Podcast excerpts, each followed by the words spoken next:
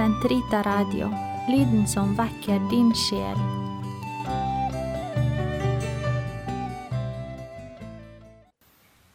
Kjære troende, når vi hører beretningen om Thomas' møte med den oppstandende, så undrer vi oss kanskje over hvor viktig Jesus sårmerker og åpnede side er for ham. For Thomas må det ha vært veldig viktig å si og berøre sårene fra korsfestelsen på den oppstandende, og likeså for evangelisten Johannes at han i det hele tatt beretter om dette. Det er viktig for dem begge at den oppstandende Herre identifiserer seg som den Jesus som led og døde korsets død for dem. Og det er viktig for vår tros skyld også. Vi skal også nettopp i lidelsen kunne tro på Gud.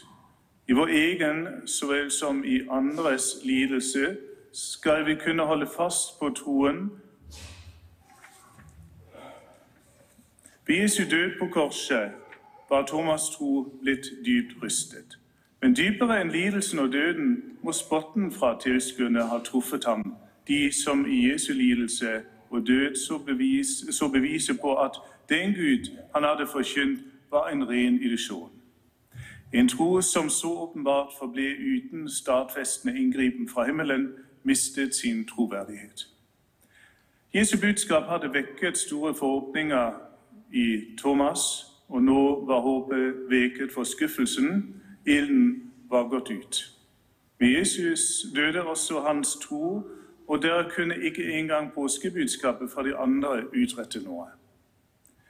Thomas kunne bare finne tilbake til troen i den, den begivenheten som han hadde tatt fra ham troen, mistet sin makt. Dvs. Si idet han fikk møte den oppstandende selv, som viste ham sine sårmerker. Og Da ble det klart for ham at han hadde fortvilet for tidlig, at Jesu lidelse og død ikke var enden, men veien. Sårene vitnet ikke mot Jesu troverdighet. Thomas fikk en ny troserfaring i gave. Jesus sår blir for ham nå et tegn på at Gud forblir hos menneskene like inn i og gjennom lidelse og endog død. Hans mektige godhet kan endog i lidelse og død vise veien til glede og livet.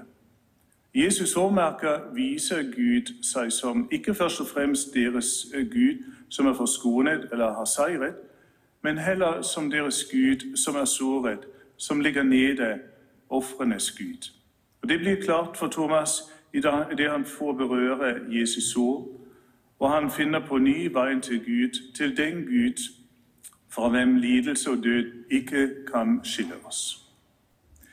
Lidelsens problem, spørsmålet om hvorfor det finnes så mye lidelse og nød i verden, det er et spørsmål som til alle tider har plaget oss mennesker, og som ingen til dags dato har kunnet gi noe fullgodt svar på. Men troen kan hjelpe oss til å leve med dette spørsmålet. Det er ikke selvfølgelig å tro, stilt overfor som egen lidelse som vi nå ser i verden, men da sier evangeliet at salig er de som ikke ser og dog tror.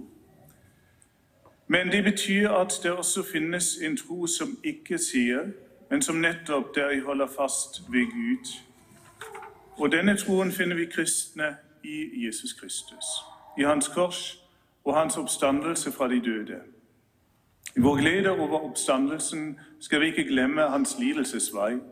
Og når vår egen tro kommer i krise i lidelsen, kan vi si på den korsfestede og oppstandne, på ham som ble såret, men helbredet, hos ham som var i forlatthetens mørke, men som fikk oppleve påskemorgens lys.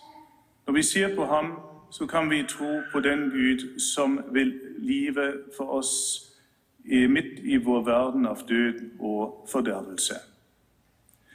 Søndag for søndag kommer vi sammen for å feire Herrens oppstandelse fra de døde. Men midt i påskegleden blir lidelsen ikke ganske enkelt borte. Den omgir oss og ledsager oss fortsatt. Mange av oss har tungt å bære. Men med dem og for dem feirer vi påskens glede.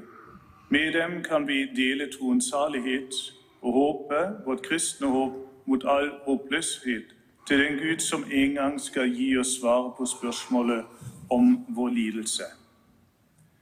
Dette vårt håp er det som lar oss si takk til Gud, feire eukarisти, takksigelse, og dele tegnet på vår Guds kjærlighet til oss inntil døden med hverandre.